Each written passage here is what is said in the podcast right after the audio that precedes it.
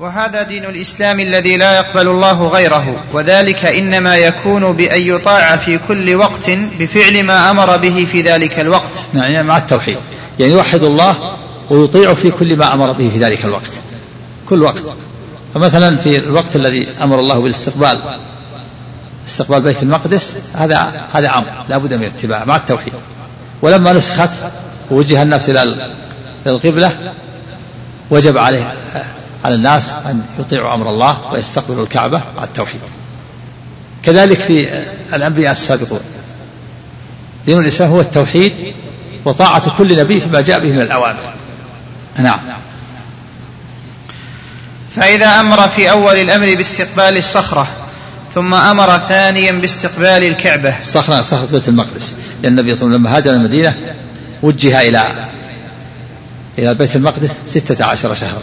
أو سبعة عشر شهرا وكان النبي صلى الله عليه وسلم يحب أن يوجه إلى الكعبة كان يقلب وجهه في السماء فأنزل الله قد نرى تقلب وجهك في السماء فلا نولي أنك قبلة ترضاها فولي وجهك شطر المسجد الحرام. فنسخ التوجه إلى بيت المقدس بالتوجه إلى الكعبة. نعم. عفى الله عنك. قال كان كل من الفعلين حين أمر به داخلا في دين الإسلام. إيش؟ نعم. الله عنك. قال وهذا دين الإسلام الذي لا يقبل الله غيره. وذلك إنما يكون بأن يطاع في كل وقت بفعل ما أمر به في ذلك الوقت. نعم. فإذا أمر في أول الأمر باستقبال الصخرة ثم أمر ثانيا باستقبال الكعبة كان كل من الفعلين حين أمر به داخلا في دين الإسلام. نعم. فالدين هو الطاعة والعبادة له في الفعلين. نعم. وإنما تنوع بعض صور الفعل وهو وجهة المصلي. وإنما تنوع. الله عنك كل طاعة لله لأن الله أمر به لكن تنوع لتنوع صورة الفعل. صورة الفعل الفعل في الأول اتجاه إلى بيت المقدس ثم في الثاني اتجاه الكعبة وهو طاعة الله في الحالين نعم. وإنما تنوع بعض صور الفعل وهو وجهة المصلي فكذلك الرسل دينهم واحد. وإن تنوعت الشرعة والمنهاج والوجهة والمنسك. نعم. دينهم واحد هو التوحيد دين الأنبياء واحد هو التوحيد ومن التوحيد الإيمان بأصول الإيمان بالله وملائكته وكتبه ورسله واليوم الآخر والقدر خير وشر هذا التوحيد. ولكن الشرائع تختلف. الأوامر والنواهي كل شيء. نبي له شريعة خاصة. نعم. فإن ذلك لا يمنع أن يكون الدين واحدا كما لم يمنع ذلك في شرعة الرسول الواحد. نعم. والله تعالى جعل من دين الرسل أن أولهم يبشر بآخرهم ويؤمن به وآخرهم يصدق بأولهم ويؤمن به. فهم متضامنون. فالمتقدم من الأنبياء يبشر بالمتأخر ويؤمن به والمتأخر يصدق بالنبي السابق ويؤمن به فهم متضامنون. فيجب الإيمان بهم كلهم جميعا. فمن آمن بواحد ببعضهم ولم يؤمن بالآخر فهو كافر بالجميع. من كفر بنبي واحد كفر بالجميع. فهم متضامنون. السابق بشر باللاحق وصدق به. واللاحق متأخر صدق بالمتقدم وآمن به. وكذلك الكتب. لا بد من الإيمان بها كل الكتب منزلة فمن آمن ببعض, ببعض الكتب ولم يؤمن ببعضها فقد كفر بالجميع. كما أن من آمن ببعض القرآن أو ببعض الكتاب الواحد ولم ببعض الآخر فهو كافر بالجميع. قال الله تعالى أفتؤمنون ببعض الكتاب وتكفرون ببعض؟ فما جزاء من يفعل ذلك منكم إلا خزي في الحياة الدنيا. من آمن ببعض الكتب المنزلة ولم يؤمن ببعض الآخر فهو كافر بالجميع. كما أن من آمن ببعض الكتاب وكفر ببعض فهو كافر بالجميع. وكذلك الرسل. من كذب واحدا فقد كذب بالجميع كما قال الله تعالى كذبت قوم نوح المرسلين. وهم كذبوا نوح واحد. فجعل الله تكذيبهم لنوح تكذيب الجميع. كذبت عاد المرسلين. هم كذبوا هود. فجعل الله تكذيبهم تكذيبا للجميع كذبت ثمود المرسلين. كذبوا صالح فجعل الله تكذيبها تكذيبا للجميع. كذبت قوم لوط المرسلين. كذبوا واحد لوط. لكن الرسل متضامنون. حكم واحد الإمام واحد. كذب أصحاب الأيكة المرسلين وهم كذبوا شعيب. فمن كذب واحد فقد كذب بالجميع. نعم. أحسن الله إليك. والله تعالى جعل من دين الرسل أن أولهم يبشر بآخرهم ويؤمن به وآخرهم يصدق بأولهم ويؤمن به. قال تعالى وإذا أخذ الله ميثاق النبيين لما آتيتكم من كتاب وحكمة ثم جاءكم رسول مصدق لما معكم لتؤمنن به ولتنصرنه. قال أأقررتم وأخذتم على ذلكم إصري؟ قالوا أقررنا. قال فاشهدوا وأنا معكم من الشاهدين. نعم. هذا في بيان تضامن الرسل. هذه الآية مرت معنا في التفسير الآن. قرأنا تفسيرها الله أخذ الميثاق على كل نبي. لأن بعث محمد صلى الله عليه وسلم لأن بعث محمد صلى الله عليه وسلم وهو حي لا يؤمن به ولا ينصرنه ثم النبي يأخذ على قومه على أمة الميثاق لأن بعث محمد وهم أحياء لا يؤمنون به ولا ينصرونه. نعم. قال ابن عباس رضي الله عنهما لم يبعث الله نبيا إلا أخذ عليه الميثاق لئن بعث محمد وهو حي ليؤمنن به ولا ينصرنه. لا يؤمنن لئن بعث محمد صلى الله عليه وسلم وهو حي ليؤمنن به ولا ينصرنه. وأمره أن يأخذ الميثاق على أمته. لئن بعث محمد وهم أحياء ليؤمنن به ليؤمنن به ولا ينصرنه. نعم. الله عنك. وقال تعالى وأنزلنا إليك الكتاب بالحق مصدقا لما بين يديه من الكتاب ومهيمنا عليه. نعم وهو القرآن. هو مصدق لما بين يديه يعني لما أمامه من الكتب. ومهيمنا عليها. فالقرآن مصدق لما بين يديه من الكتب يعني لما بين يديه لما امامه من الكتب وهي الكتب السابقة التوراة والإنجيل والزبور والقرآن والصحف وغيرها. هو مصدقها وهو الحاكم عليها والمهيمن عليها والناسخ لها. يحق الحق ويبطل الباطل يزيل ما حرف وما حرفه أهل الكتاب وغيرهم. الكتب السابقة هذا الكتاب يبطلها. وينفيها. نعم. وقال تعالى وأنزلنا إليك الكتاب بالحق مصدقا لما بين يديه من الكتاب ومهيمنا عليه. فاحكم بينهم بما أنزل الله ولا تتبع أهواءهم عما جاءك من الحق لكل جعلنا منكم شرعة ومنهاجا. هذا الشرع ولكل جعلنا منكم شرعة ومنهاجا. هذه الشرع الشرائع تختلف. لكل نبي شرعة ومنهاج.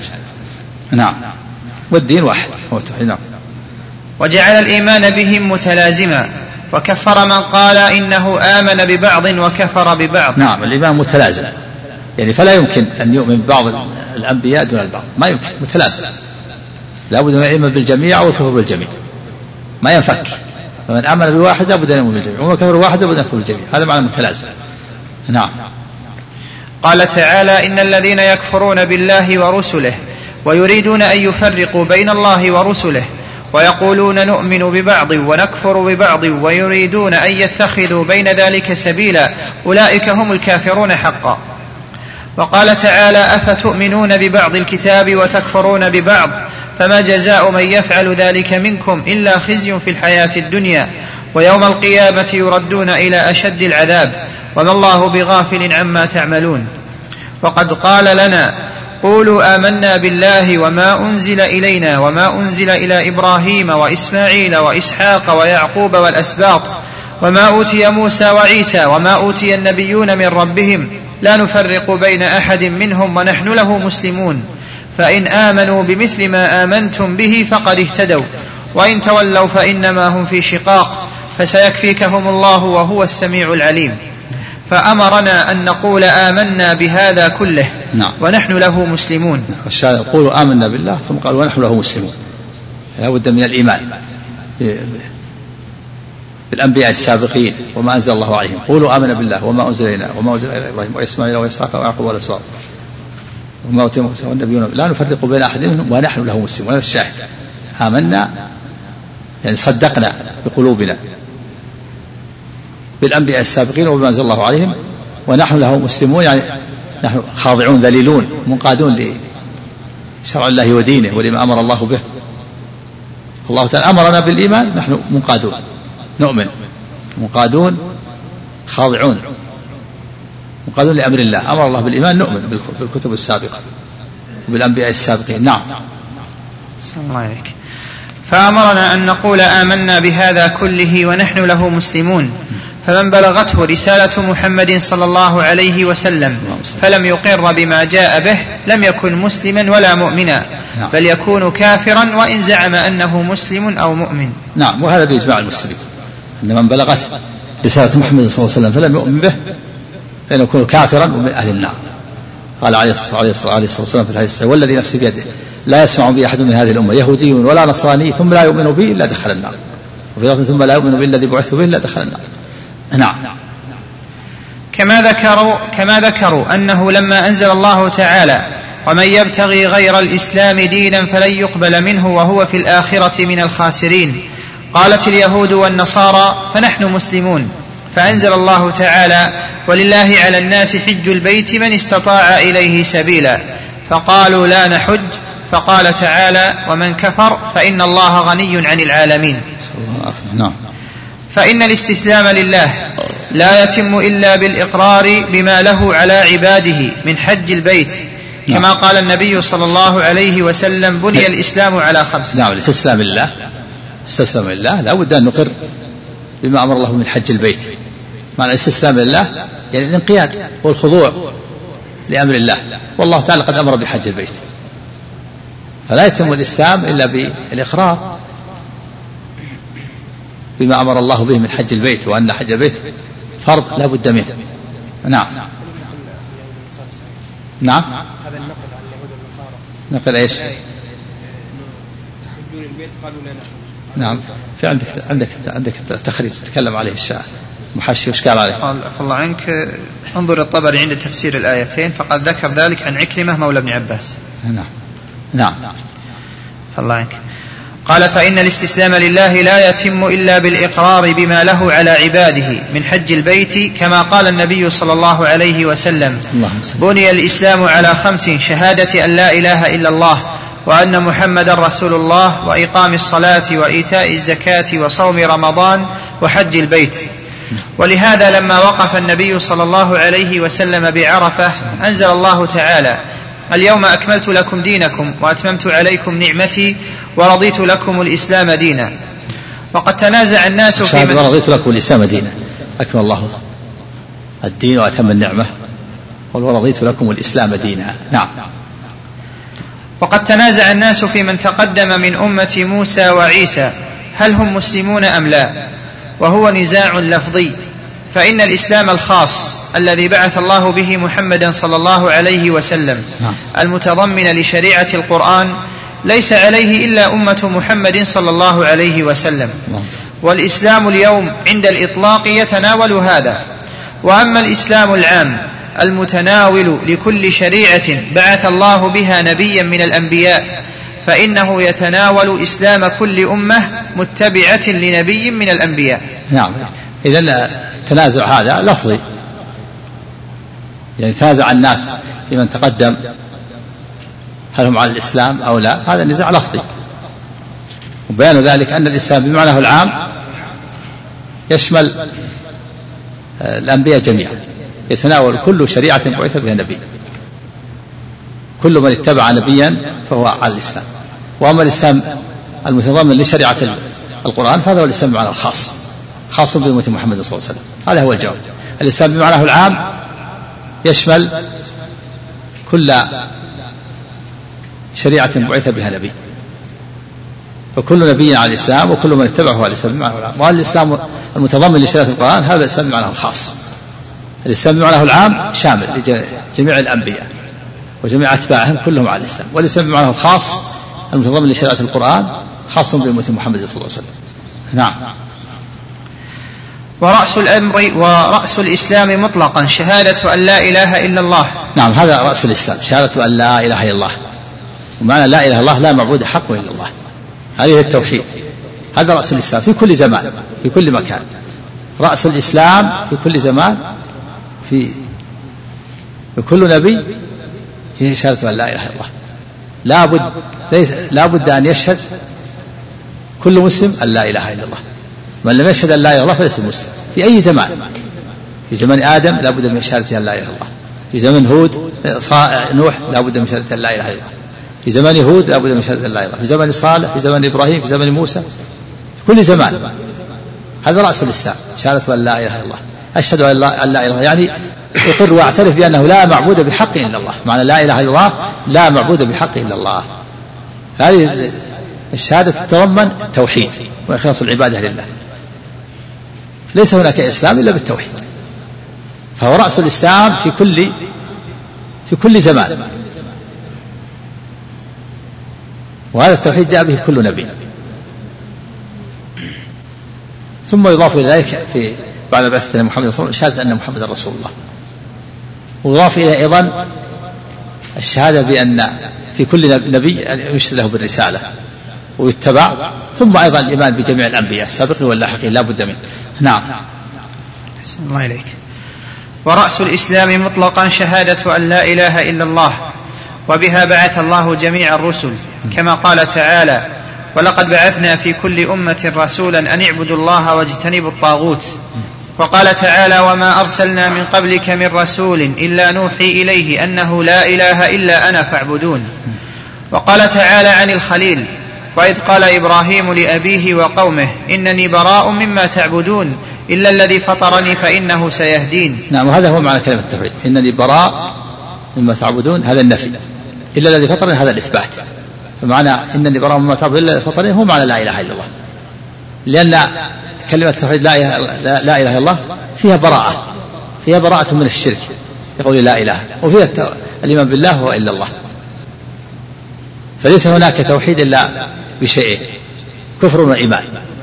كفر بالطاغوت وإيمان بالله. ولا إله هذا كفر بالطاغوت. إلا الله هذا الإيمان بالله. ما في توحيد إلا بأمرين نفي وإثبات فالنفي هو الكفر بالطاغوت والإثبات هو الإيمان بالله. النفي هو البراءة من كل معبود سوى الله وهذا هو كفر الطاغوت والإثبات هو الإيمان بالله. ما في توحيد إلا بالأمرين النفي والإثبات. لا بد منهما. والإثبات وحده لا يكفي.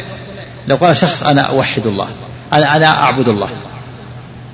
نقول ما يكفي هذا في التوحيد لأن قد تعبد الله وتعبد معه غيره فلا تكون موحد.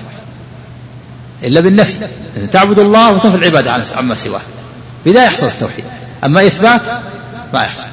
فالإثبات وحده قد يحصل مع الشرك. والنفي وحده كذلك. النفي كذلك قد يكون إلحاد. يقول لا إله هذا ملحد. ما أثبت التوحيد لله. لا بد من أمرين. لا إله إلا الله. كلمة التوحيد فيها ولاء وبراء. فيها كفر وإيمان. الولاء فيها براء في قولك لا إله. ولا ولا في قولك إلا الله. فيها كفر بالطاغوت لا إله. وإيمان بالله إلا الله. نعم. أحسن الله إليك. وقال تعالى عن الخليل وإذ قال إبراهيم لأبيه وقومه إنني براء مما تعبدون إلا الذي فطرني فإنه سيهدين. وجعلها كلمة باقية في عقبه لعلهم يرجعون. يعني كلمة التوحيد. وجعلها نعم. جعلها كلمة نعم. وقال تعالى عنه قل أفرأيتم ما كنتم تعبدون؟ أنتم وآباؤكم الأقدمون فإنهم عدو لي إلا رب العالمين. هذه براءة. براءة من معبوداتهم. قال إنهم عدو لي. هذه البراءة إلا رب العالمين هذا الإيمان بالله. هذا هو معنى لا إله إلا الله. براءة من كل معبود سوى الله وإثبات العبادة لله وحده. نعم. وقال تعالى قد كانت لكم أسوة حسنة في إبراهيم والذين معه. إذ قالوا لقومهم إنا براء منكم ومما تعبدون من دون الله. كفرنا بكم وبدا بيننا وبينكم العداوة والبغضاء أبدا حتى تؤمنوا بالله وحده. هذه البراءة. البراء ومن إن براء مما تعبدون. كفرنا بكم وبدا بينكم العداوة. إن براء منكم. هذه البراءة. ومما تعبدون من الله. براء من المشركين ومعبوداتهم. وكفر بهم وإيمان بالله. نعم.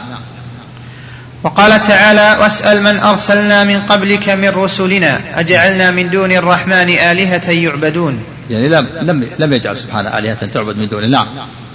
وذكر عن رسله كنوح وهود وصالح وغيرهم أنهم قالوا لقومهم اعبدوا الله ما لكم من إله غيره. اعبدوا الله على التوحيد الإيمان بالله. ما لكم من إله غيره؟ هذا النفي. لا بد من نفي وإثبات. اعبدوا هذا الإثبات. ما لكم من اله غيره هذا النفي.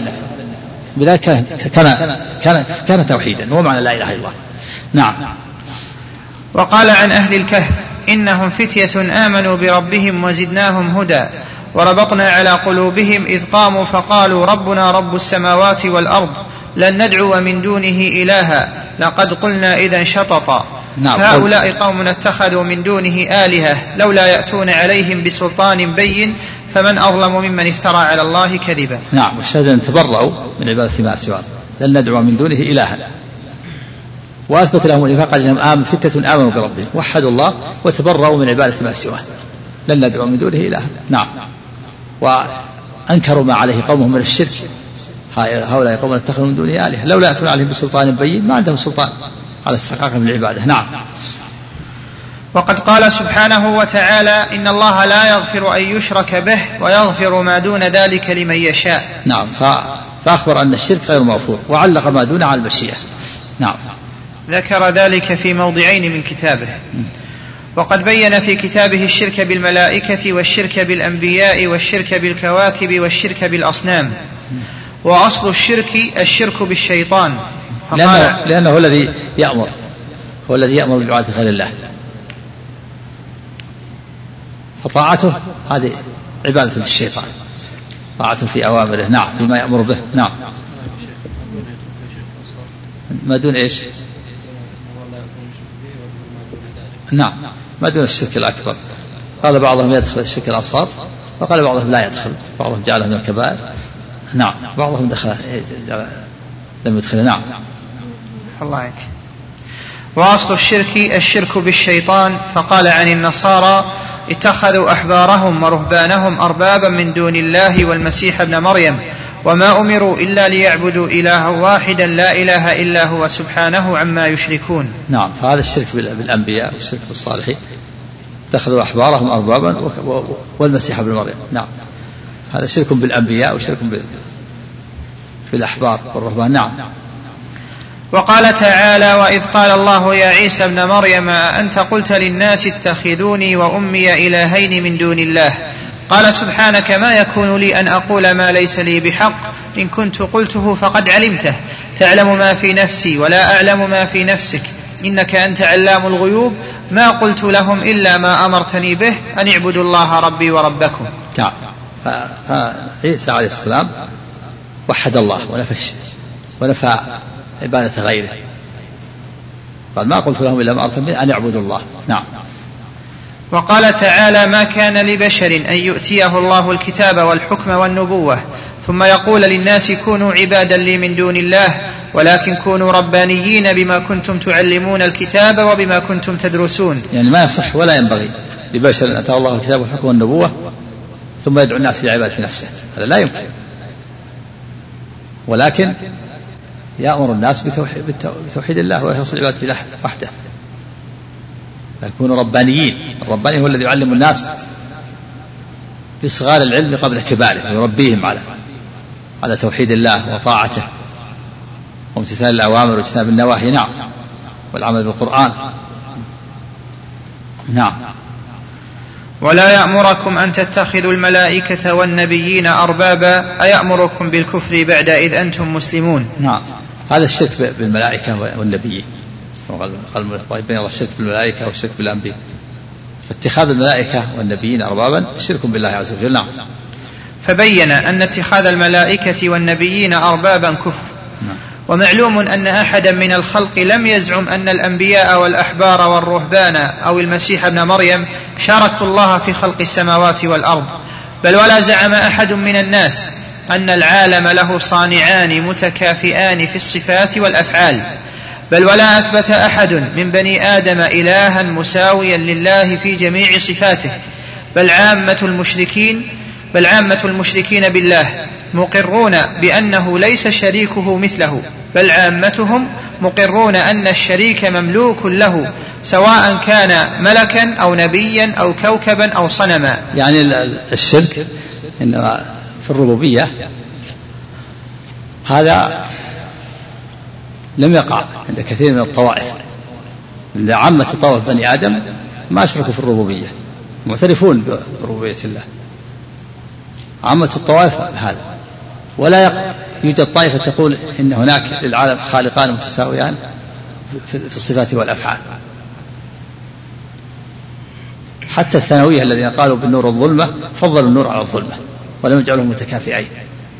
وإنما الشرك إن عام شرك بني آدم في العبادة والتوحيد. أما شرك الربوبية شرك الربوبية فهذا قليل. لأن عامة طوى بني آدم كلهم قروا بربوبية الله. ولم يوجد أحد يقول إن هناك شريك مع الله مكافئا له في الصفات والأفعال. حتى الذين أشركوا مع الله غير العرب وغيرهم يقرون بأن هذا الشريك الذي عبده مع الله مملوك لله. كما كانوا يقولون في تلبيتهم لبيك اللهم لبيك لبيك لا شريك إلا شريكا هو لك. فأثبتوا شريكا هو يملكه تملكه وما ملك. نعم. كما كان مشرك العرب يقولون في بل إيش؟ بل ولا اثبت بل الله عنك ومعلوم أن أحدا من الخلق نعم. لم يزعم أن الأنبياء والأحبار والرهبان أو المسيح ابن مريم شاركوا الله في خلق السماوات والأرض. نعم لكنهم يعبدونهم يشركون في العبادة. لا يزعمون أنهم شاركوا الله في خلق السماوات والأرض أو لهم التصرف في الكون. ما أحد يقول بهذا. لكن يعبدونهم يشركون في العبادة ليقربوهم إلى الله بزعمهم. نعم. بل ولا زعم أحد من الناس أن العالم له صانعان متكافئان في الصفات والأفعال. بل ولا أثبت أحد من بني آدم إلها مساويا لله في جميع صفاته. بل عامة المشركين بالله مقرون بأنه ليس شريكه مثله. بل عامتهم مقرون أن الشريك مملوك له سواء كان ملكا أو نبيا أو كوكبا أو صنما. كما كان مشرك العرب يقولون في تلبيتهم لبيك لا شريك لك إلا شريكا هو لك تملكه وما ملك. فأهل رسول الله صلى الله عليه وسلم بالتوحيد. فقال لبيك اللهم لبيك لبيك لا شريك لك لبيك إن الحمد والنعمة لك والملك لا شريك لك. وقد ذكر أرباب المقالات ما جمعوا من مقالات الأولين والآخرين في الملل والنحل والآراء والديانات فلم ينقلوا عن أحد إثبات شريك مشارك له في خلق جميع المخلوقات ولا مماثل له في جميع الصفات بل من أعظم ما نقلوا في ذلك قول الثانويه الذين يقولون بالأصلين النور والظلمة وأن النور خلق الخير والظلمة خلقت الشر. ثم ذكروا لهم في الظلمة قولين أحدهما أنها محدثة أحدهما أنها محدثة فتكون من جملة المخلوقات له والثاني أنها قديمة لكنها لم تفعل إلا الشر. فكانت ناقصة في ذاتها وصفاتها ومفعولاتها عن النور. نعم فالشاهد انهم لم يقولوا بإثبات الهين متساويين في الصفات والأفعال. بل حتى الثانوية الذي يقولوا بخالقين ما قالوا بتساويهم قال النور خير من الظلمة. والنور هو الإله المحمود القديم والنور والظلمة الشريرة المذمومة واختلفوا في قدمها وحدوثها. فلم يقولوا بإثبات خالقين متساويين في الصفات والأفعال. نعم. وإنما الشرك اللي يقع إنما يقع في يش... آه... الذي يقع في الربوبية لا يقع ب... باعتقاد التساوي بين الخالقين. نعم. وقد أخبر الله سبحانه وتعالى عن المشركين من إقرارهم بأن الله خالق المخلوقات ما بينه في كتابه فقال تعالى ولئن سألتهم من خلق السماوات والأرض ليقولن الله. نعم فاعترفوا. بان الله هو الخالق. نعم. ومع ذلك يعبدون الاصنام والآلهة لا لأنها تخلق وترزق بل لأنها بزعمهم تقربهم إلى الله وتنقل حوائجهم إلى الله وتشفع لهم عند الله. نعم. فقال تعالى ولئن سألتهم من خلق السماوات والأرض ليقولن الله. قل أفرأيتم ما تدعون من دون الله؟ إن أرادني الله بضر هل هن كاشفات ضره؟ أو أرادني برحمة هل هن ممسكات رحمته؟ قل حسبي الله عليه يتوكل المتوكلون. وقال تعالى قل لمن الأرض ومن فيها إن كنتم تعلمون. سيقولون لله قل أفلا تذكرون؟ قل من رب السماوات السبع ورب العرش العظيم؟ سيقولون لله قل أفلا تتقون؟ قل من بيده ملكوت كل شيء وهو يجير ولا يجار عليه إن كنتم تعلمون؟ سيقولون لله قل فأنا تسحرون. الشهر قول سيقولون لله اعترفوا. اعترفوا بربوبية الله وخلقه. نعم. إلى قوله ما اتخذ الله من ولد وما كان معه من إله إذا لذهب كل إله بما خلق ولا على بعضهم على بعض. سبحان الله عما يصفون. وقد قال تعالى وما يؤمن أكثرهم بالله إلا وهم مشركون. وبهذا وغيره. فإيمانهم بالله توحيدهم بالربوبية.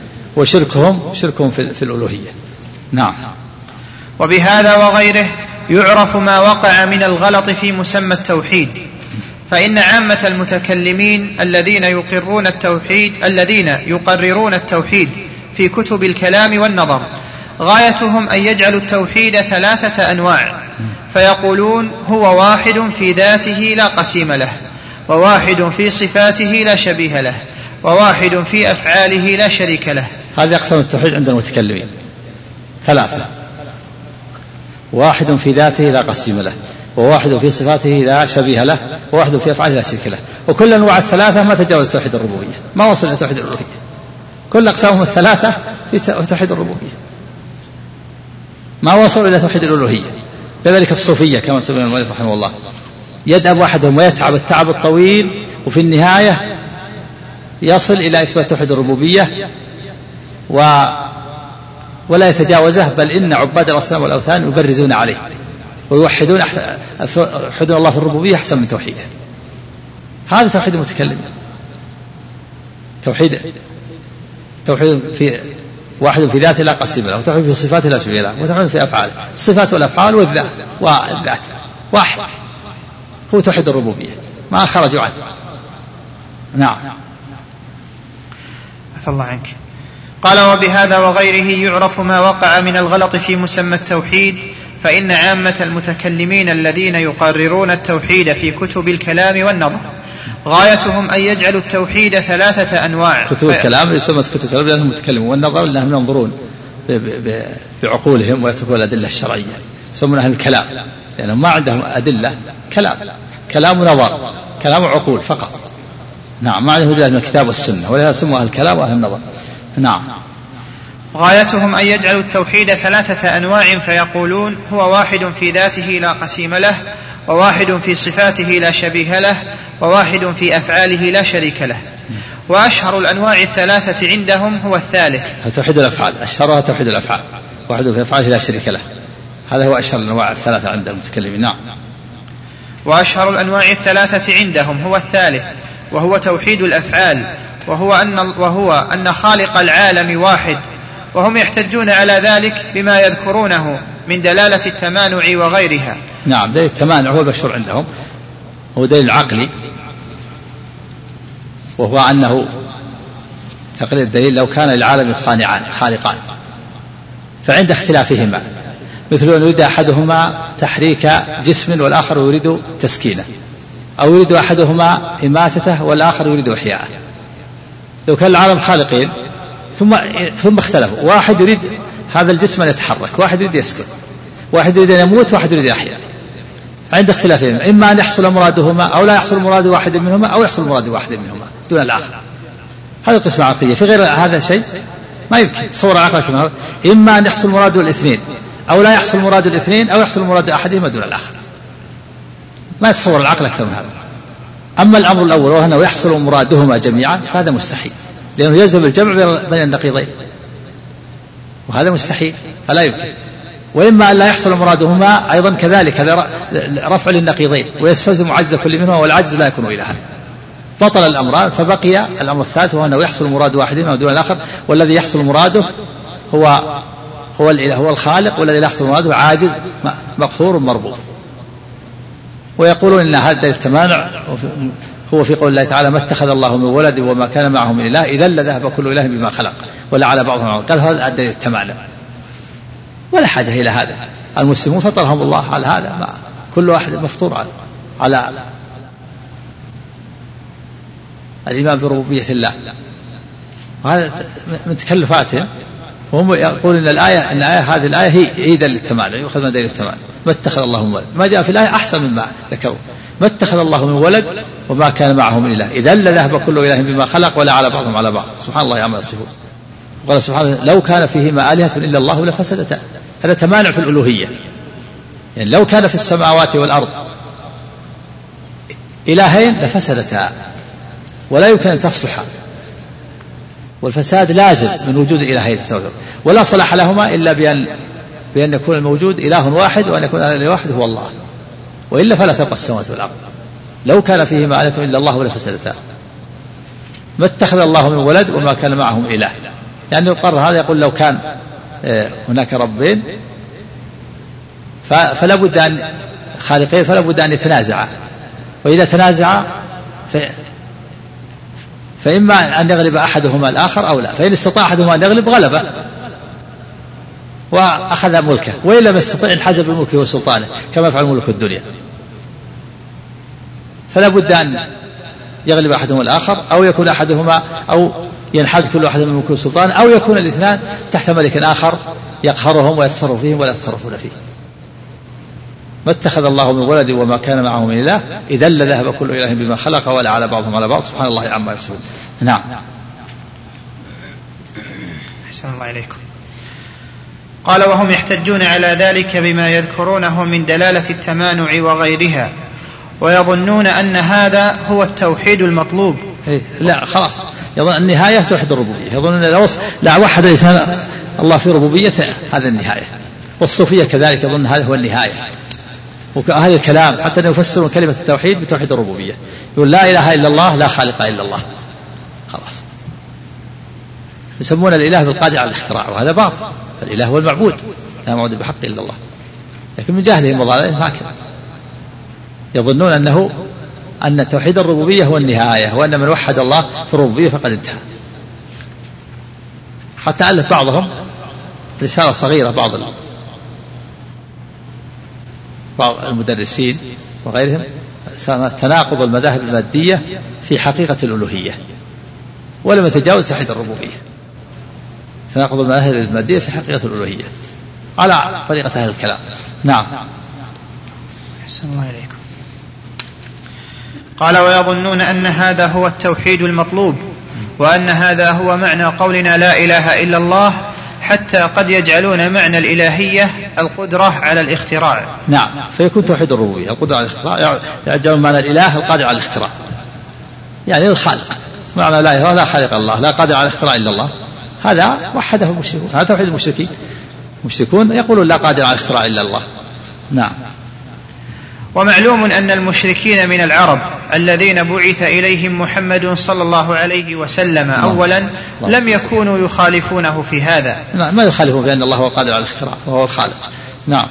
بل كانوا يقرون بأن الله خالق كل شيء حتى إنهم كانوا مقرين بالقدر أيضا وهم مع هذا مشركون. لا لا وهم مع هذا مشركون في العباده يقرون بالقدر ويقرون بالربوبية وهم مشركون في العباده ما ينفعهم هذا حتى يوحدوا الله في العبادة. نعم. وقد تبين أن ليس في العالم من ينازع في أصل هذا الشرك ولكن غاية ما يقال إن من الناس من جعل بعض الموجودات خلقا لغير الله. يعني شرك في في بعض الربوبية. أما الشرك في أصل الربوبية ما ينازع في أحد. لكن يكون الشرك جزئي. مثل من بعض من من يقول إن بعض النجوم تتصرف في هذا الكون. ومثل القدرية يقولون أن العباد خلق لأفعالهم هذا شرك جزئي في الربوبية. نعم. أحسن الله إليكم وقد تبين أن ليس في العالم من ينازع في أصل هذا الشرك ولكن غاية ما يقال. إن من الناس من جعل بعض الموجودات خلقا لغير الله كالقدرية وغيرهم. القدرية قد جعلوا أفعال العباد مخلوقة لهم لا, لا لله. قالوا العباد خلق لأفعال الخير والشر للشبهة اللي حصلت لهم. يقول لو قلنا أن الله خلق الخير والشر وعذب عليه طاعة المعاصي لكان ظالما. ففروا من ذلك وقالوا إن العباد هم اللي يخلقون أفعالها نعم.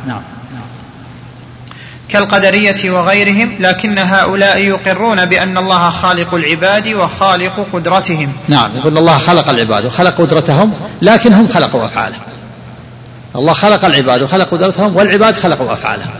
طاعة ومعصية طاعة ومعاصي فرارا من القول بأنه خلق المع... الله خلق المعاصي وعذب عليها. لئلا يكون ظالما بزعمه. نعم. الله عنك.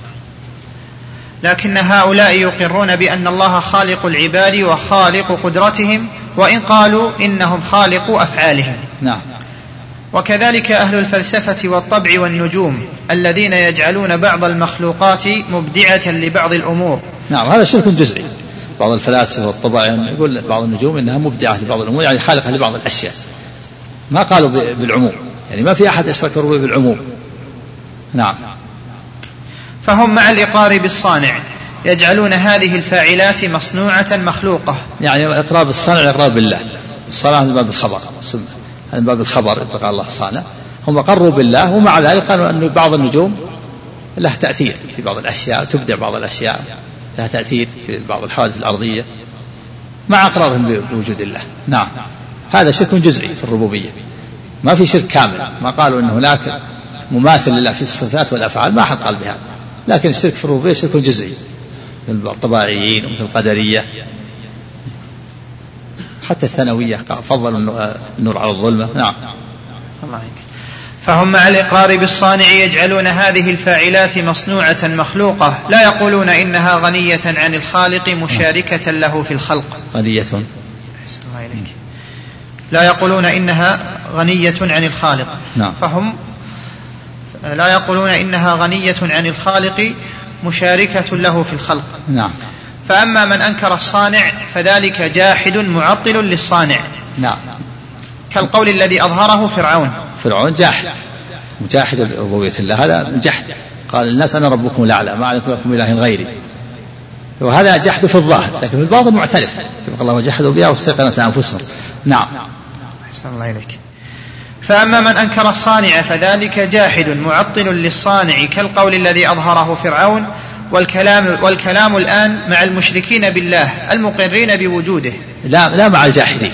الجاحد ما في كلام. اللي يجحد يجحد الصانع مثل فرعون هذا ما في كلام لكن الكلام مع المشركين الذي الذين أقروا بالربوبية وأشركوا معه. نعم. أشركوا أقروا بالله وأشركوا معه في الربوبية. نعم. الله والكلام الآن مع المشركين بالله المقرين بوجوده. فإذا هذا التوحيد الذي قرره الذي قرروه لا ينازعهم فيه هؤلاء المشركون. الذي قرروه يعني أهل الكلام. توحيد الأفعال. واحد في أفعاله لا شريك له لا ينازع فيه. لا ينازع فيه المشركون يوافقونه المشركون. يعني أهل الكلام قالوا إن الله واحد في أفعاله لا شريك له هذا يوافقه فيه المشركون. هذا التوحيد اللي قررتموه يوافقكم عليه المشركون. نعم. فإذا هذا التوحيد الذي قرروه لا ينازعهم فيه هؤلاء المشركون بل يقرون به مع أنهم مشركون. نعم. كما ثبت بالكتاب والسنة والإجماع وكما علم بالاضطرار من دين الإسلام. وكذلك النوع الثاني وهو قولهم لا شبيه له في صفاته. نعم واحد في صفاته لا شبيه له. نعم. فإنه ليس في الأمم من أثبت قديما مماثلا له في ذاته سواء قال إنه مشاركه أو قال إنه لا فعل له بل من شبه به شيئا من مخلوقاته فإنما يشبهه به في بعض الأمور. نعم ما يشبه في جميع الأمور. فإذا كذلك قولهم أن واحد في الصفات لا شبيه, لا شبيه له هذا وافقه عليه كثير من الأمم وكثير من الطوائف. ما أحد قال إن أن هناك شبيه لله في جميع الأشياء. يشابه الله فيما يجب ويجوز ويمتنع. ما أحد قال بهذا. ويجب لله دوام البقاء ويجوز وفيما يجوز من الخلق والرزق والإماتة وفيما يمتنع من الموت والحياة مع الموت والأكل والشرب والنوم. ما حد قال بأن الله هناك أحد مشابه لله في جميع الصفات. هناك شبيه لله فيما يجب ويجوز ويمتنع. ما حد قال بهذا. لأنه لا نقول بهذا معناه معناها قول بالتناقض. معناه يكون الخالق مخلوق والمخلوق خالق. وإنما وإنما الذين جعلوا الله شبيه في بعض الأشياء لا في جميع الأشياء. ما أحد قال إن لله شبيه فيما يجب ويجوز ويمتنع. يعني يجب لله الذي يجب لله البقاء دوام البقاء وأنه واجد لذاته. والذي يجوز عليه الخلق والرزق والإماتة ما حد قال إن هناك مخلوق يوافق يشابه الله في وجوب البقاء ويشابه الله في الخلق والرزق والإماتة ويشابه الله في امتناع الموت والنوم والأكل والشرب. ما حد قال بهذا. نعم. إنما اللي وقع شرك جزئي. تشبيه جزئي نعم. الله إليك. وقد علم بالعقل امتناع أن يكون له مثل في المخلوقات يشاركه فيما يجب أو يجوز أو يمتنع. نعم. هذه الأمور الثلاثة. هذا من جميع الجهات من جميع الوجوه. ما حد قال بهذا نعم. فإن ذلك يستلزم الجمع بين النقيضين كما تقدم. يعني لو قال واحد أن هناك من يشابه الله فيما يجوز ويجب ويمتنع. لصار هذا خالقا آخر. صار معناها الخالق مخلوق والمخلوق هو الخالق. وهذا جمع بين النقيضين. مستحيل نعم. وعلم أيضا بالعقل أن كل موجودين قائمين بأنفسهما فلا بد بينهما من قدر مشترك كاتفاقهما في مسمى الوجود والقيام بالنفس والذات ونحو ذلك. نعم هذا أمر لا بد منه. اشتراك في في في شيء عام أمر عام. جميع الموجودات تتفق في مسمى الوجود كلها موجودة. والقيام بالنفس. أنت قائم بنفسك والحيوان قائم بنفسه وأنت موجود والحيوان موجود وهذا يشارك الرب والرب موجود وقائم بنفسه هذا الاشتراك في الأمر العام هذا لا بد منه. لكن ما حد قال بأن هناك يشارك الله فيما يجب ويجوز ويمتنع جميع الوجوه. نعم. الله عنكم. قال فلا بد بينهما من قدر مشترك كاتفاقهما في مسمى الوجود والقيام بالنفس والذات ونحو ذلك وأن نفي ذلك يقتضي التعطيل المحض. نعم. أن في من قال أن لا اتفاق بين الموجودات في مسمى الشيء وفي مسمى الوجود هذا معناه إنكار. من قال إن الله لا يشبه المخلوقات ولا في وجه من وجوه الشبه. معناه أنكر وجود الله. يعني أنكر الاتفاق في مسمى الشيء مسمى الوجود يعني أنكر أن يسمى الله موجودا أو شيئا. فلا بد من إثبات قدر مشترك بين الموجودات ما يمكن نفيه وهو مسمى الشيء مسمى الوجود وهذا في الذهن. أما في الخارج ما في اشتراك في الخارج لا بد من الإضافة والإختصاص. نعم.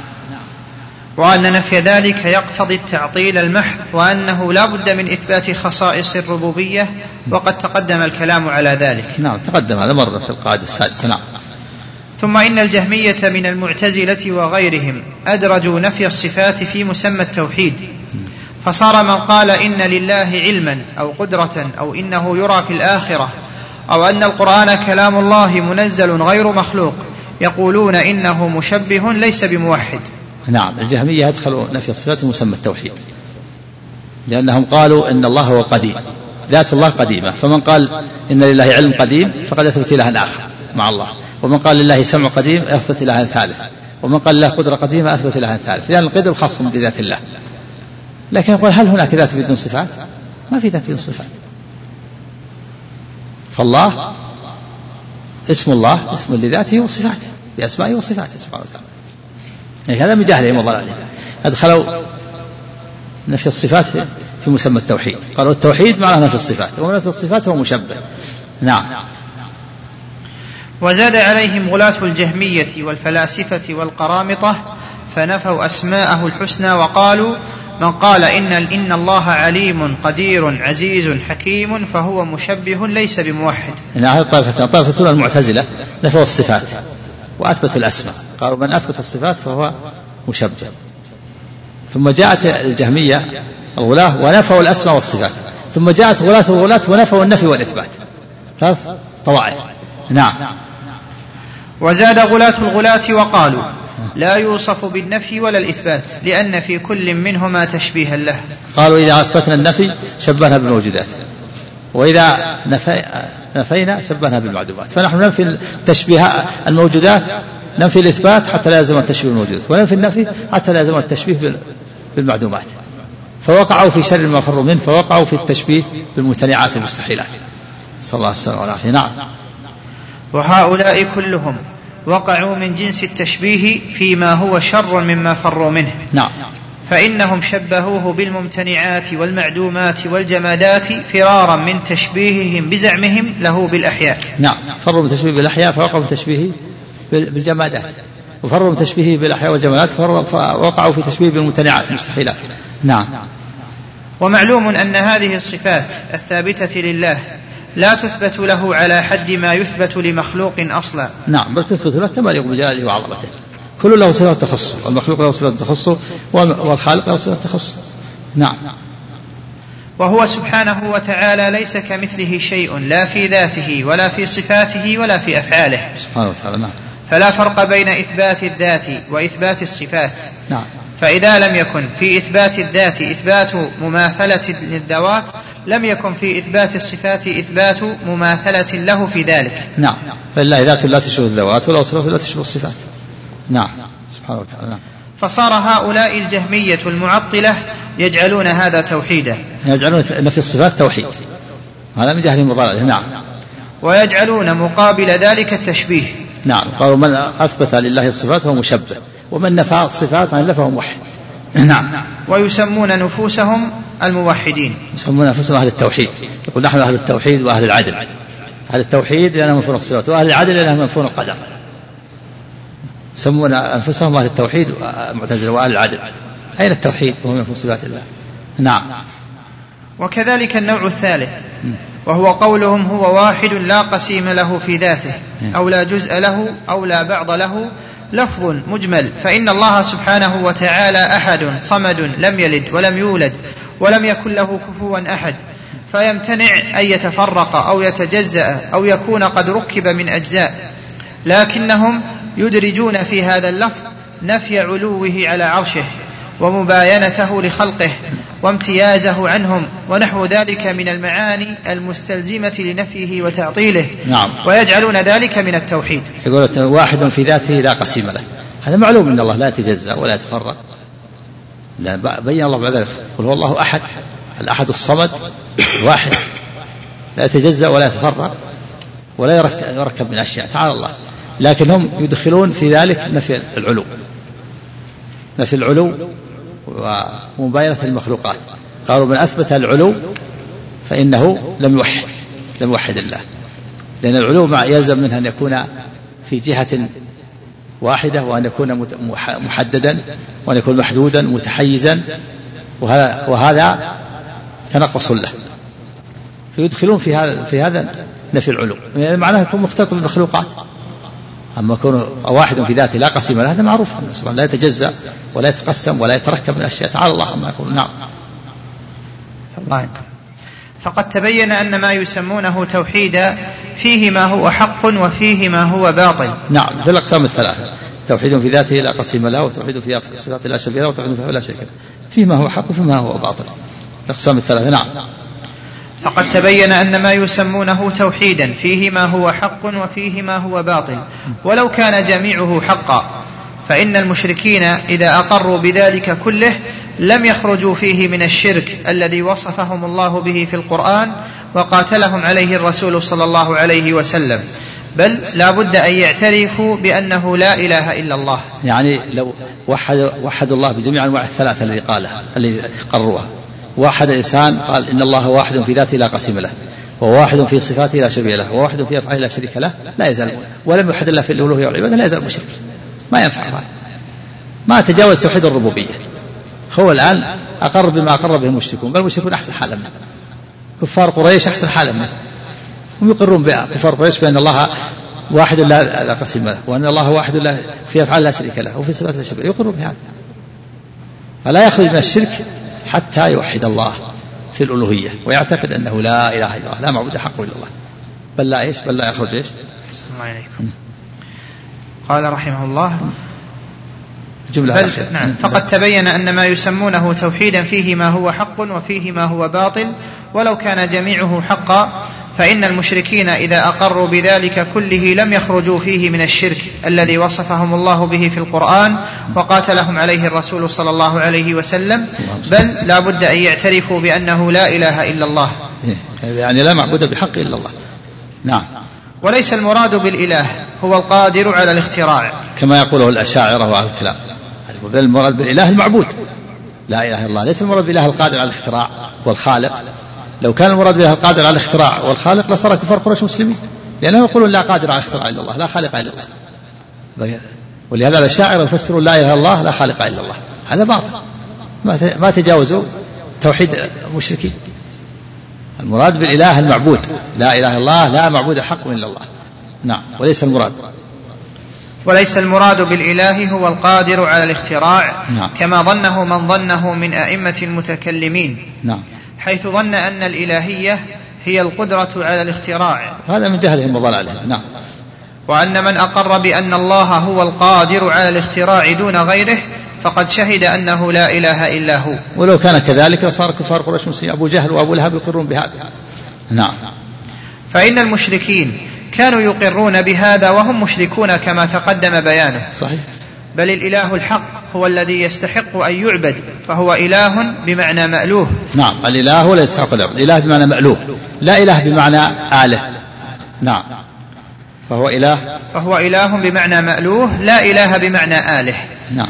والتوحيد أن يعبد الله وحده لا شريك له. فالإله هو المألوه المعبود الذي تأله القلوب محبة وإجلالا وخوفا ورجاء. إله بمعنى مألوه فعال بمعنى مفعول. لا إله بمعنى آله بمعنى فاعل. إله بمعنى مف... مألوه بمعنى مفعول. فعال بمعنى مفعول. لا فعل بمعنى فاعل. نعم.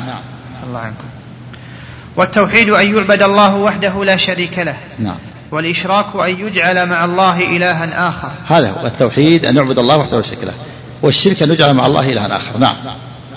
وإذا تبين أن غاية ما يقرره هؤلاء النظار أهل الإثبات للقدر المنتسبون إلى السنة إنما هو توحيد الربوبية وأن الله رب كل شيء ومع هذا فالمشركون كانوا مقرين بذلك. مع تفعل وإذا تبين. أحسن الله إليكم. نعم بسم الله الرحمن الرحيم. الحمد لله رب العالمين وصلى الله وسلم وبارك على نبينا محمد وعلى آله وصحبه وأتباعه بإحسان إلى يوم الدين أما بعد فقال شيخ الإسلام ابن تيمية رحمه الله تعالى وإذا تبين أن غاية ما يقرره هؤلاء النظار أهل الإثبات للقدر المنتسبون إلى السنة إنما هو توحيد الربوبية وأن الله رب كل شيء ومع هذا فالمشركون كانوا مقرين بذلك مع أنهم مشركون فكذلك طوائف من أهل التصوف المنتسبين إلى المعرفة والتحقيق والتوحيد غاية ما عندهم من التوحيد هو شهود هذا التوحيد وهو أن يشهد بسم الله الرحمن الرحيم. الحمد لله والصلاة والسلام على رسول الله وعلى آله وصحبه أجمعين. أما بعد المؤلف رحمه الله يبين أن أهل الكلام وأهل النظر إنما يقررون توحيد الربوبية الكلام وأهل النظر الذي يعتمدون على العقول وعلى الآراء ويعرضون عن النصوص من المعتزلة والأشاعرة وغيرهم. إنما غايتهم يقررون توحيد الربوبية. ويعرضون عن توحيد الإلهية. ولهذا يفسرون كلمة توحيد لا إله إلا الله يفسرون الإله بالخالق لا خالق إلا الله. يفسرون بالقدرة على الاختراع. وهذا من جهلهم وضلالهم. فإن الإله هو المعبود. فنهاية غايتهم يعني يقررون توحيد الربوبية فقط. كما سبق أن أهل الكلام يجعلون التوحيد ثلاثة أنواع. يقول إن الله واحد في ذاته لا قسيم له. وواحد في صفاته لا شبيه له وواحد في أفعاله لا شريك له. وهذه الأنواع الثلاثة كلها لا تتجاوز توحيد الربوبية. ما تجاوز توحيد الربوبية ولا وصلوا إلى توحيد الألوهية. واحد في ذاته لا قسيم له وواحد في صفاته لا شبيه له وواحد في أفعاله لا شريك له. والبشر عندهم النوع الثالث هو توحيد الأفعال. فهم يقررون توحيد الربوبية فقط ولم يتجاوزوا إلى توحيد الإلهية. يقول المؤلف وكذلك أيضا الصوفية. كذلك الصوفية يقررون توحيد الربوبية ولا يتجاوزون إلى توحيد الألوهية. ويوافقهم في هذا أهل الشرك. المشركون يوافقونه في تقرير توحيد الربوبية. مشركو قريش يقرون بتوحيد الربوبية. ولا يسألهم من خلقه ولا يقولون الله. وكذلك الآن الموجودون في العصر الحاضر. بعضهم يقرر توحيد الربوبية. ألف بعضهم رسالة سماها تناقض المذاهب المادية في حقيقة الألوهية. ولا تجاوز توحيد الربوبية. قال إن الله هو الخالق وأنه كذا وأن يأتي بأدلة على إثبات وجود الله. فالمقصود أن توحيد الربوبية حق هو توحيد الله بأفعاله بأفعاله هو كالخلق والرزق والإماتة والإحياء. لكنه لا يكفي في في توحيد العبد لربه.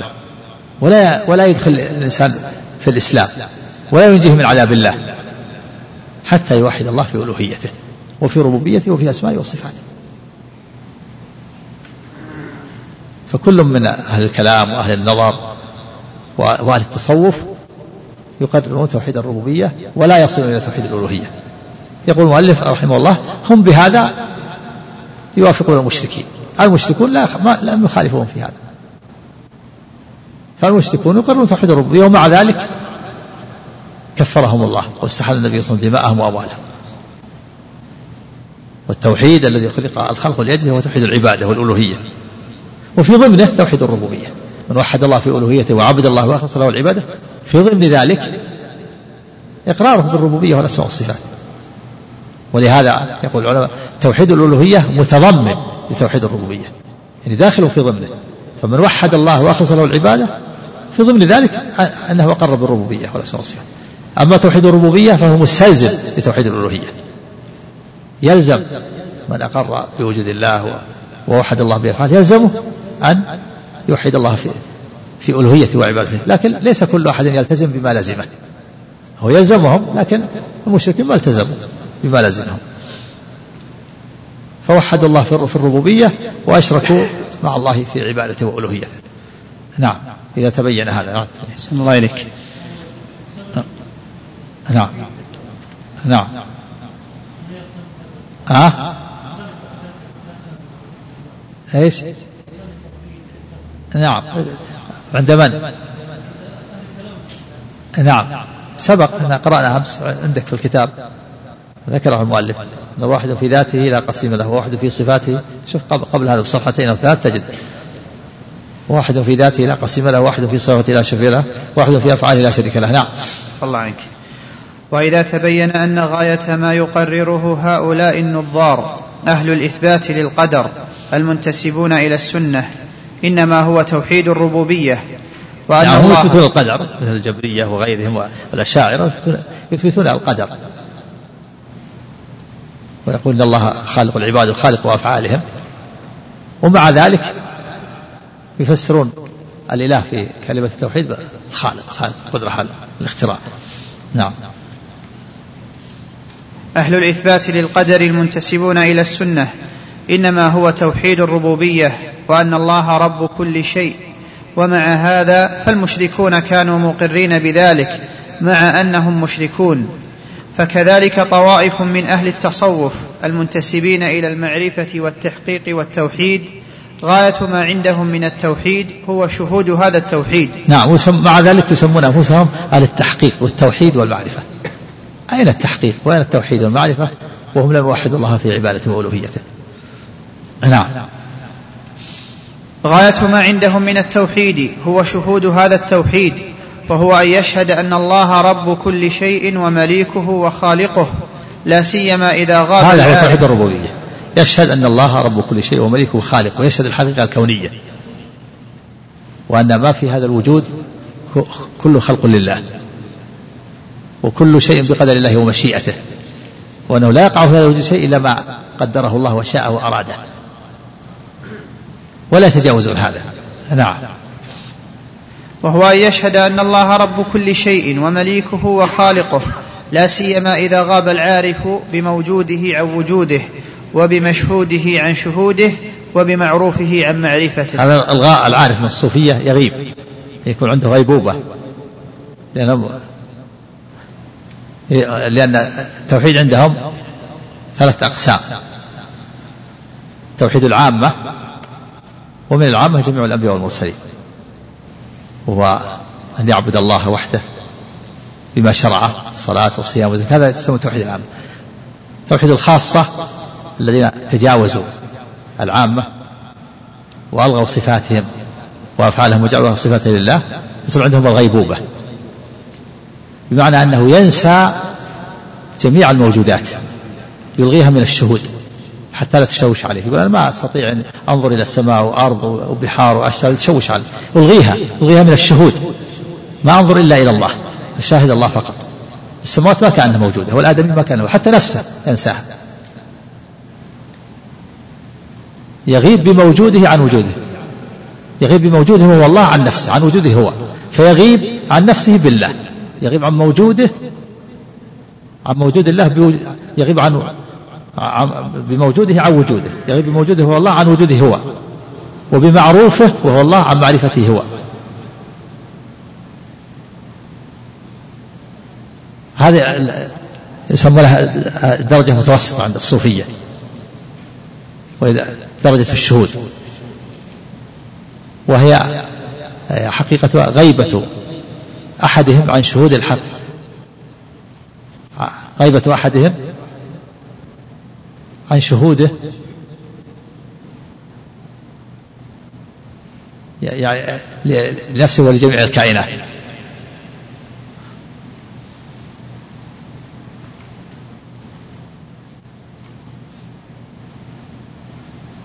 فلا يشهد إلا الحقيقة الكونية.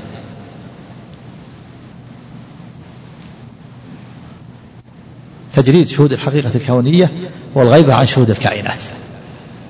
تجريد شهود شهود الحقيقة الكونية والغيبة عن شهود الكائنات. الكائنات المخلوقات. فهو يغيب عن جميع المخلوقات. بمعنى أنه يلغيها من الشهود لا من الوجود. يلغيها من الشهود إلى الموجود فما كأن شيء موجود عنده. الآدميين اللي حوله والبحار والأشجار والقمر والشمس هذه يلغيها من الشهود ما يشاهدها. فلا يشاهد إلا الله ما كان موجود إلا الله.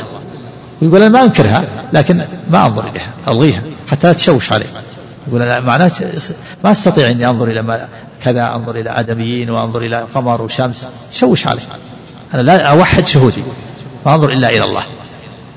هذا مع تجريد شهود الحقيقة والغيب عن شهود الكائنات. فيفنى يغيب بموجوده عن وجوده وبمعرفته وبمعروفه عن معرفته وبمعبوده عن عبادته. يغيب عن العبادة بمعبوده عن العبادة. يعني فينسى العبادة ويغيب بالمعبود وهو مشاهدة الله. فيفنى من لم يكن ويبقى من لم يزل. يفنى من لم يكن وهو المخلوق ويبقى من لم يزل وهو الله.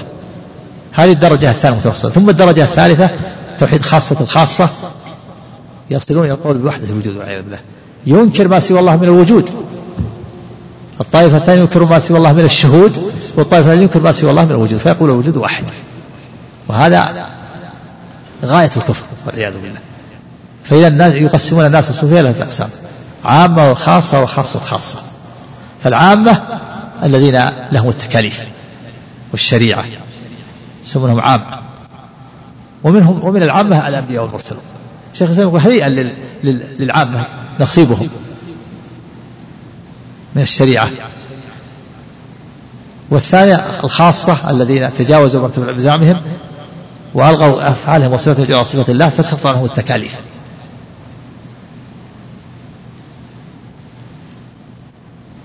والثالث الطائفة الثالثة خاصة الخاصة وهو الذي ينصب إلى القول بوحدة الوجود. ويسمون الطائفة الأولى أهل الشريعة والطائفة الثانية أهل الحقيقة. والطائفة الثالثة أهل التحقيق. فأهل الشريعة هم العام يقول محجوبون عندهم حجاب الآن محجوبين عن الخاصة. عندهم تكاليف وأوامر ونواهي وعندهم طاعات ومعاصي. أما أهل الحقيقة الذين خرقوا الحجاب تجاوزوا المعرفة فهم أهل الحقيقة وليس عندهم معاصي. كل ما عندهم طاعات كل ما يعملون من طاعات حتى الزنا والسرقة وشرب الخمر. سقط له التكاليف. ويستدلون مثل قوله تعالى واعبد ربك حتى يأتيك اليقين. قال اليقين المعرفة. وصل إلى المعرفة. والعلم لأن ما قدر سيكون سقطت له التكاليف. وأما أهل التحقيق الطبقة ما عندهم لا معاصي ولا طاعات وصلوا يقول بحث الوجود. نعوذ بالله من زيغ القلوب. نعم. ها؟ يقول الوجود واحد يقول الرب هو العبد والعبد هو الرب. يقول أنت الرب وأنت العبد. ما في ما, هناك موجودين نعوذ بالله. ولكن هذا كثرة توهم مثل ما قال رئيس ابن عبد بن عربي ابن عربي رئيس وحدة الوجود يقول الرب عبد والعبد رب. يا ليت شعري من من المكلف؟ إن قلت عبد فذاك بيت. أو قلت رب أنا يكلف. اختلط عليه الأمر اشتبه ما يدري. العبد هو الرب ورب العبد. إن قلت عبد كيف يكلف؟ إن قلت عبد فهو بيت. إن قلت عبد فذاك بيت. وفي, وفي رواية إن قلت عبد فذاك نفي. أو قلت رب أنا يكلف. إن قلت رب كيف يكلف؟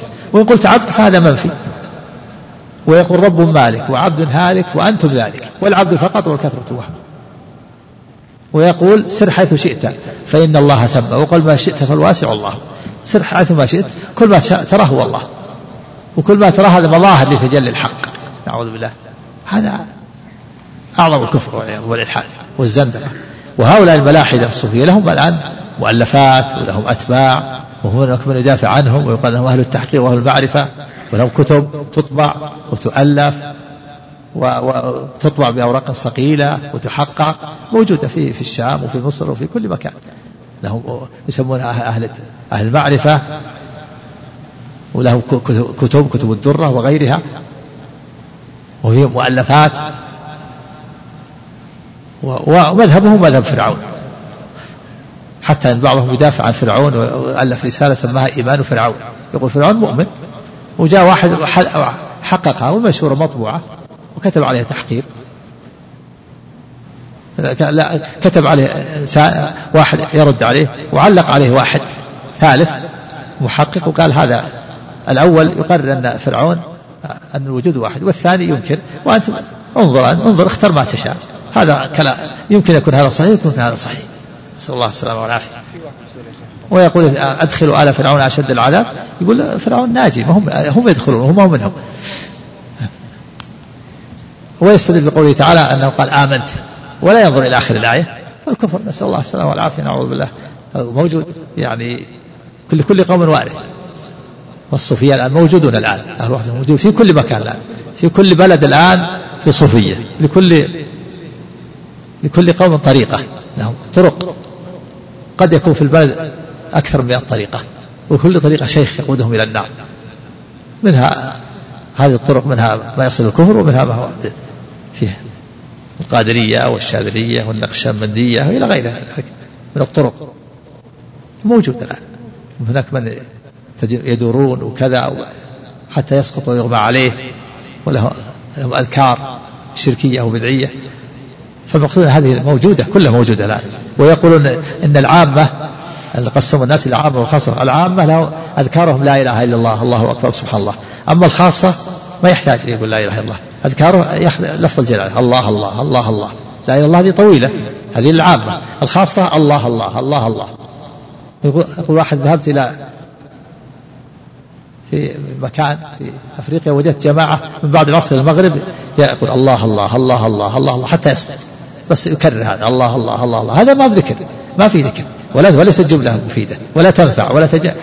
تفيد القلب إيمان ولا توحيد. حتى يضم إلى كلمه أخرى حتى تكون جملة مفيدة. الله أكبر سبحان الله الحمد لله.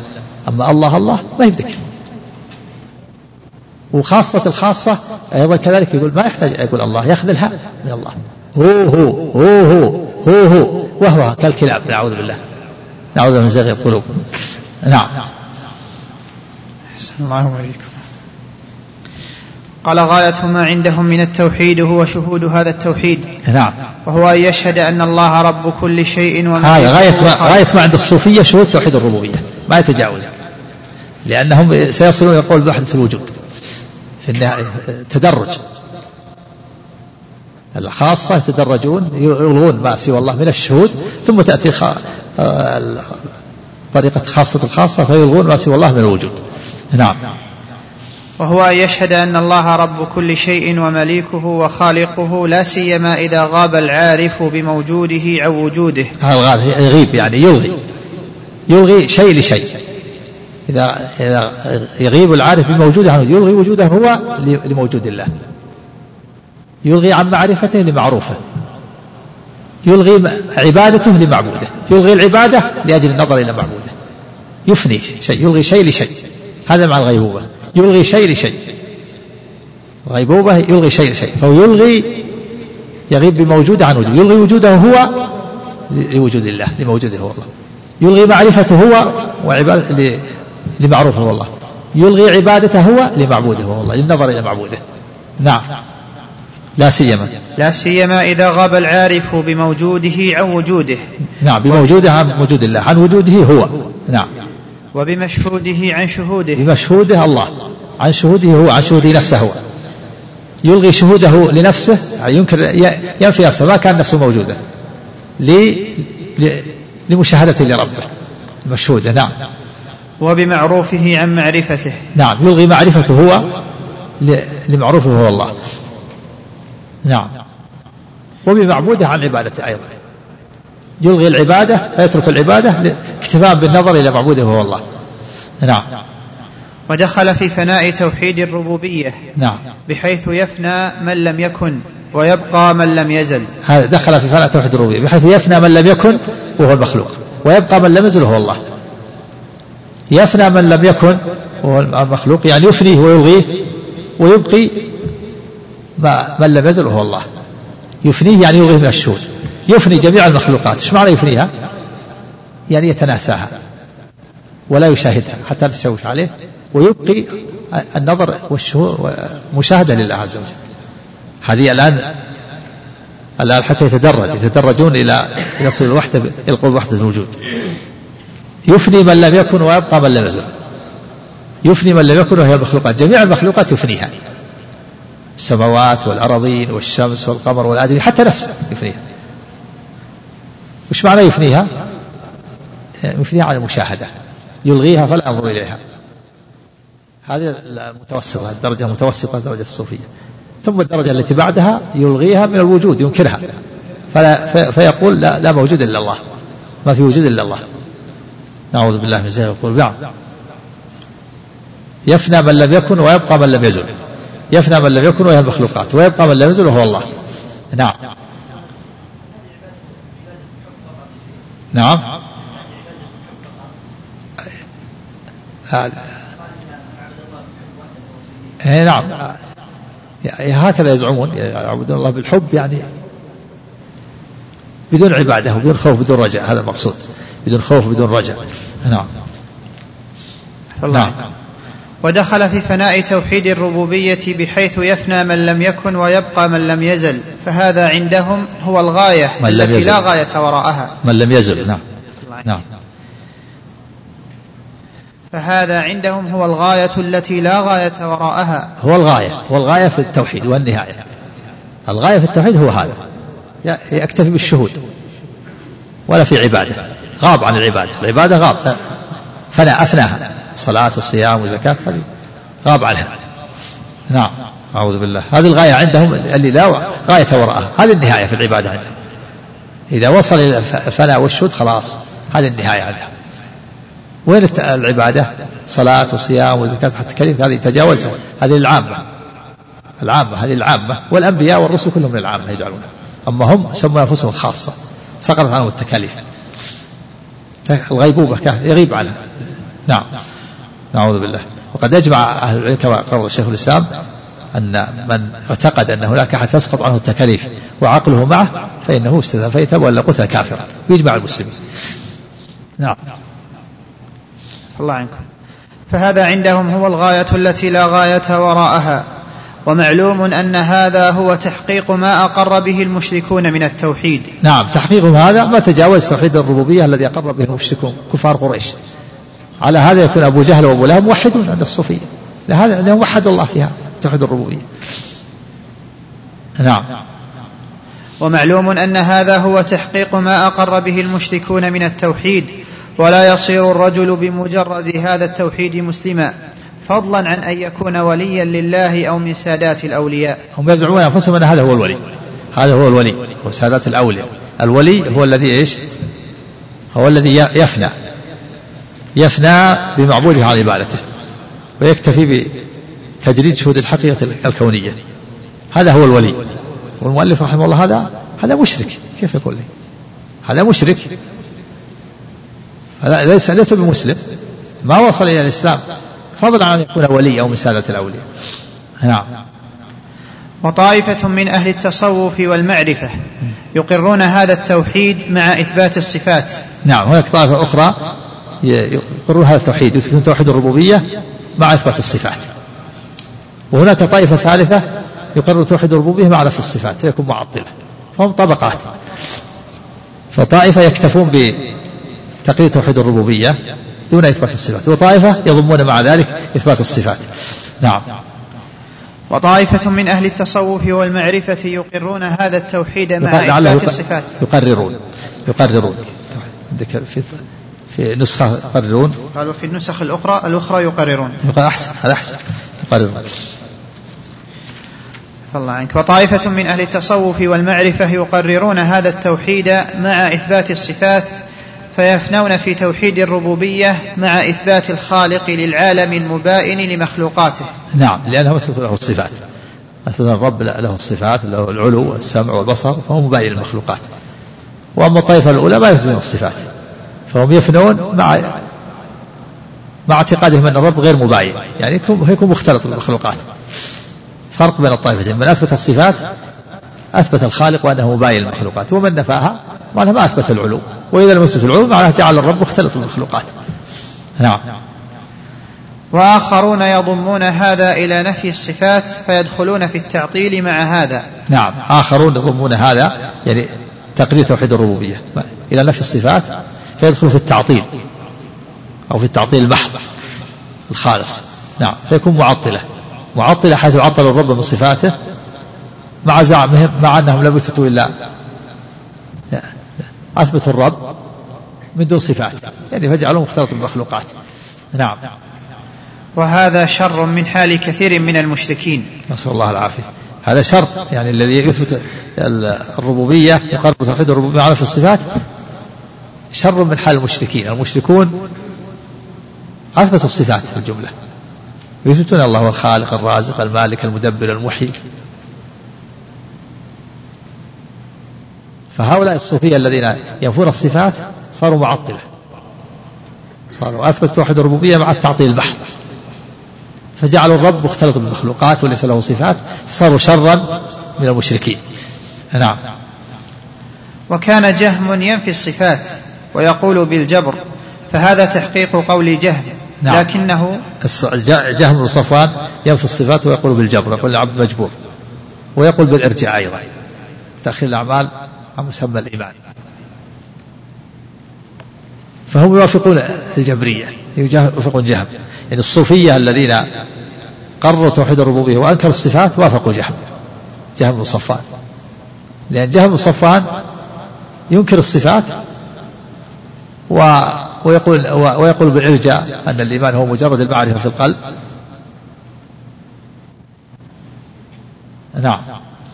وكان جهم وكان جهم ينفي الصفات ويقول بالجبر فهذا تحقيق قول جهم.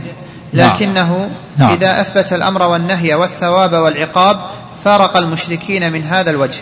نعم. إذا أثبت الأمر والنهي والثواب والعقاب أثبت الشريعة العمل بالشريعة الأمر والنهي والثواب والعقاب فارق المشركين. وإن لم يثبتها وافق المشركين. فإذا الجبر الجهم يوافق المشركين في أنه قرر توحيد الربوبية ونفى الصفات لكن إذا أثبت الشريعة الأمر والنهي والثواب والعقاب فارق المشركين وانفصل عنهم.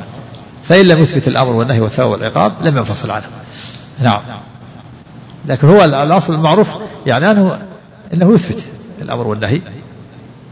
إلا أنه لما قام قال بالإرجاء أضعف الأمر والنهي ضعف الأمر والنهي عنده حيث أخر الأعمال ولم يدخلها في مسمى الإيمان. نعم. لكنه إذا أثبت الأمر والنهي. كفر الجهمية جماعة كفرهم 500 عالم الجهمية كما قال ابن القيم. ولقد تقلد كفرهم خمسون في عشر من العلماء في البلدان. خمسين في عشر خمسمائة. ولا لك والإمام قد حكوا عنه بل قد حكوا قبله الطبراني.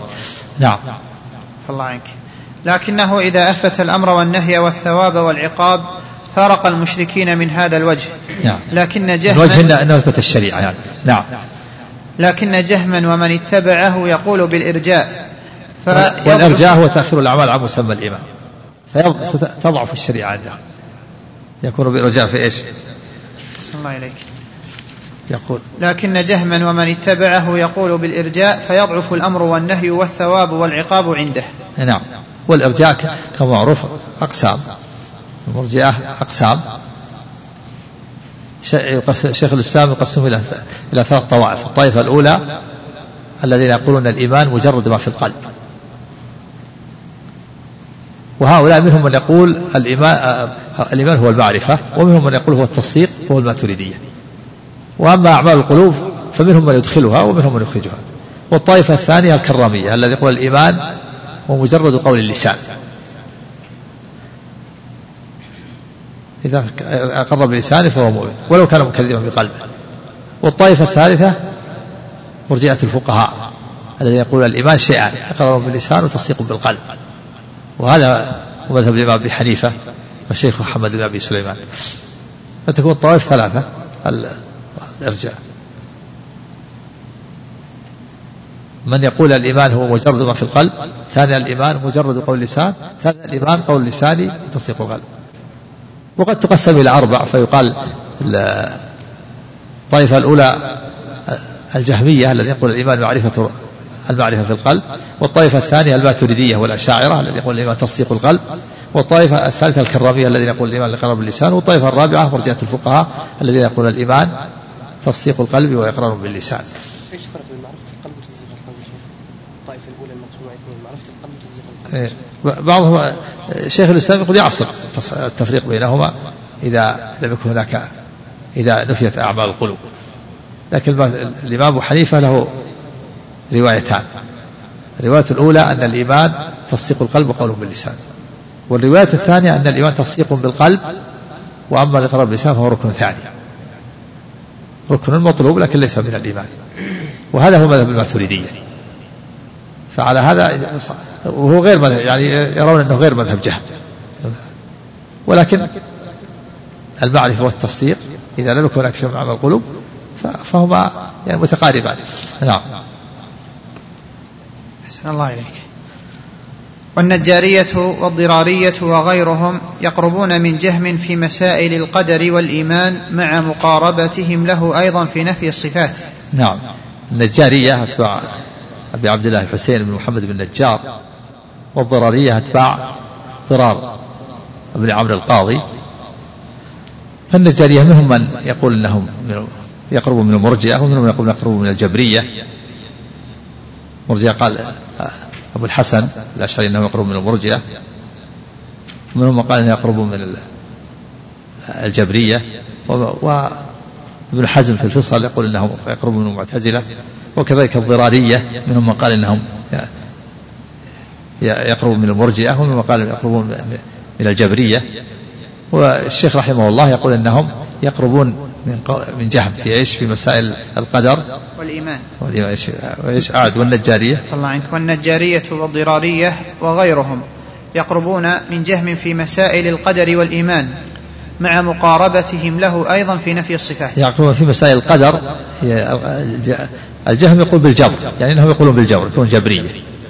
ومسائل الإيمان وهو الإرجاء. يقولون بتأخير لأن الجهم مرجع من المرجع مرجع رئيس المرجعة يقول بأن الأعمال غير داخلة في مسمى الإيمان. وكذلك الصفات ينفي الصفات. فالمعنى أن النجارية والضرارية يقرب من جهم في القول بالإرجاء والجبر ونفي الصفات. وهذا يؤيد من قال أن النجارية يقرب من الجبرية. يعني فهم جبرية مثل الجهم يعني يقولون جبرية يقول في القدر أن العبد مجبور على أفعاله والعبد ليس فعل ولا اختيار. وهذا في القدر. يقولون في القدر وفي الإرجاء يقول أن الأعمال غير داخلة في مسمى الإيمان وفي الصفات يكون الصفات. نعم. والكلابية والأشعرية خير من هؤلاء في باب الصفات. نعم. الكلابية أتباع عبد الله بن سعيد بن كلاب. لأنه يثبت الصفات العقلية الصفات السبع. فيكون خير من هذا خير من النجارية وخير من الضرارية وخير من الجهل. لأن النجارية والضرارية والجهل لا يثبتون الصفات. ولا يدخلون الأعمال في مسمى الإيمان يقولون بالإرجاء. ولا يقول أن العبد له فعل واختيار يقولون بالجبر فيكون كلابية والأشعرية خير منهم. نعم. يبين المؤلف وجه الخيرية. والكلابية نعم. والكلابية والأشعرية خير من هؤلاء في باب الصفات. نعم. فإنهم يثبتون لله الصفات العقلية. نعم. وأئمتهم يثبتون الصفات الخبرية في الجملة. كما فصلت أقوالهم في غير هذا الموضع. هذا وجه الخيرية. وجه الخيرية أن الكلابية والأشعرية يثبتون الصفات العقلية. وهي صفات السبع الحياة والكلام والبصر والسمع.